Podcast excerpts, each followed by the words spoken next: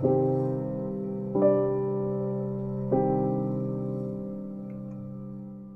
datang kembali di podcast L Besar bersama aku Barman Lingga. Tentang yang penyayang. Sobat-sobatku, sobat kalian ini telah mendengar ucapan yang mengejek.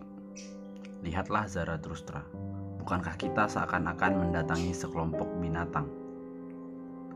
Tetapi alangkah baiknya kalau dikatakan seperti ini Manusia berbudi yang mendatangi manusia-manusia lain itu sama saja mendatangi binatang-binatang. Manusia berbudi menyebut manusia itu sendiri binatang dengan pipi merah. Bagaimana bisa seperti itu? Tidakkah itu karena manusia sudah terlalu sering harus merasa malu? Ah, sobat-sobatku, demikian ini kata-kata manusia berbudi. Malu, malu, malu. Itulah sejarah umat manusia. Dan karena itu manusia mulia bertekad tidak akan mempermalukan manusia-manusia lain dia bertekad untuk merasakan malu itu di hadapan manusia penderita. Sungguh, aku tidak menyukai mereka itu, para penyayang yang berbahagia dalam perasaan sayang mereka.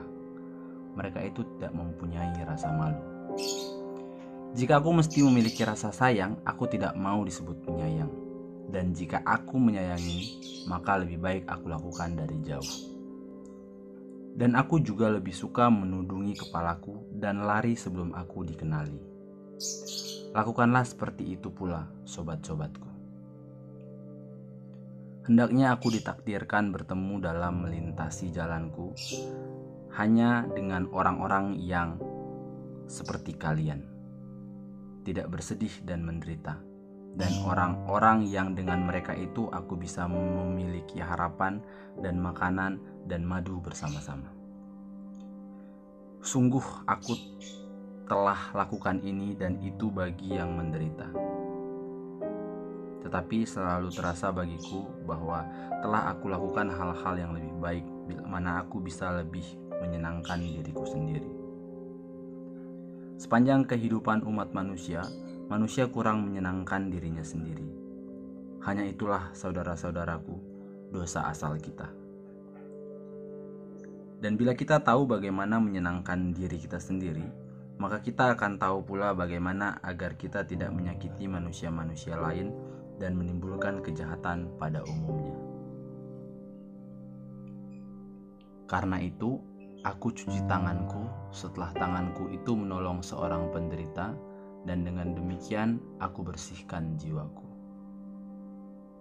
Karena aku melihat penderita menderita, dan karena aku melihatnya, maka aku merasa malu karena dia malu. Dan ketika aku menolongnya, maka aku benar-benar melukai hatinya. Kewajiban-kewajiban besar tidak membuat manusia berterima kasih, malah membuatnya kesal. Dan jika sebuah kebaikan kecil tidak dilupakan, maka itu akan menjadi ulat yang menggerogot. Bertanggunglah menerima hormati seorang dengan menerima darinya.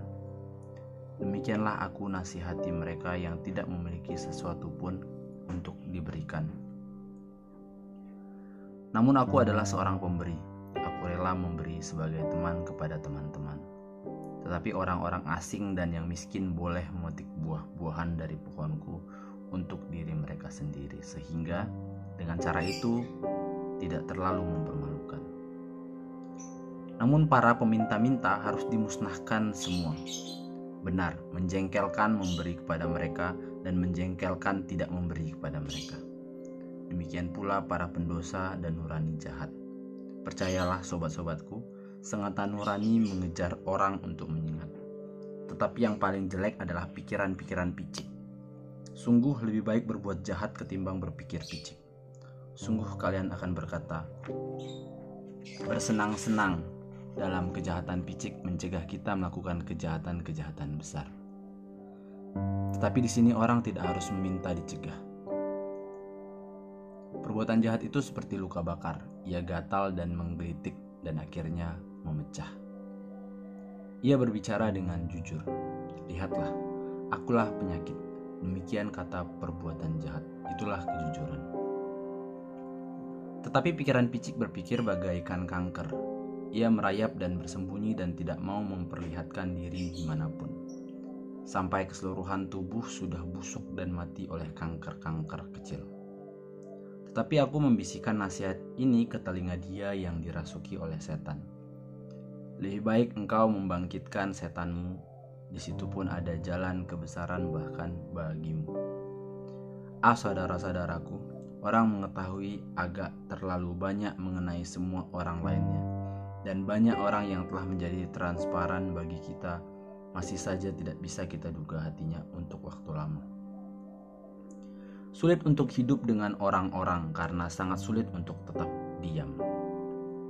Dan kita sangat tidak adil, bukan terhadap dia yang tidak kita sukai, melainkan terhadap dia yang tidak ada urusan sama sekali dengan kita. Tetapi jika kalian memiliki seorang teman yang menderita, jadilah tempat istirahat untuk deritanya tapi tempat istirahat seperti sebuah tempat tidur yang keras, sebuah tempat tidur lipat. Dengan cara itu, kalian layani dia dengan paling baik. Dan seandainya teman kalian itu melakukan suatu kesalahan, maka katakan, "Aku maafkan engkau apa yang engkau perbuat padaku." Tapi kalau itu engkau lakukan terhadap dirimu sendiri, bagaimana bisa aku memaafkan itu? Demikian itu kata semua cinta besar. Ia mengatasi baik maaf maupun rasa kasihan. Orang harus berpegang teguh pada hatinya, karena bila ia melepaskannya, betapa cepatnya ia akan kehilangan kepalanya. Ah, di manakah di dunia terdapat ketololan-ketololan yang lebih besar ketimbang yang terdapat pada orang yang penyayang? Dan dunia ini apa yang telah menimbulkan lebih banyak penderitaan ketimbang ketololan-ketololan orang yang penyayang? Terkutuklah semua pecinta yang tidak bisa membuang belas kasihnya. Demikian dulu setan berkata kepadaku, bahkan Tuhan memiliki neraka. Itulah belas kasihnya kepada umat manusia. Dan aku kemudian mendengar dia mengucapkan kata-kata ini. Tuhan telah mati. Tuhan mati karena belas kasihnya kepada umat manusia.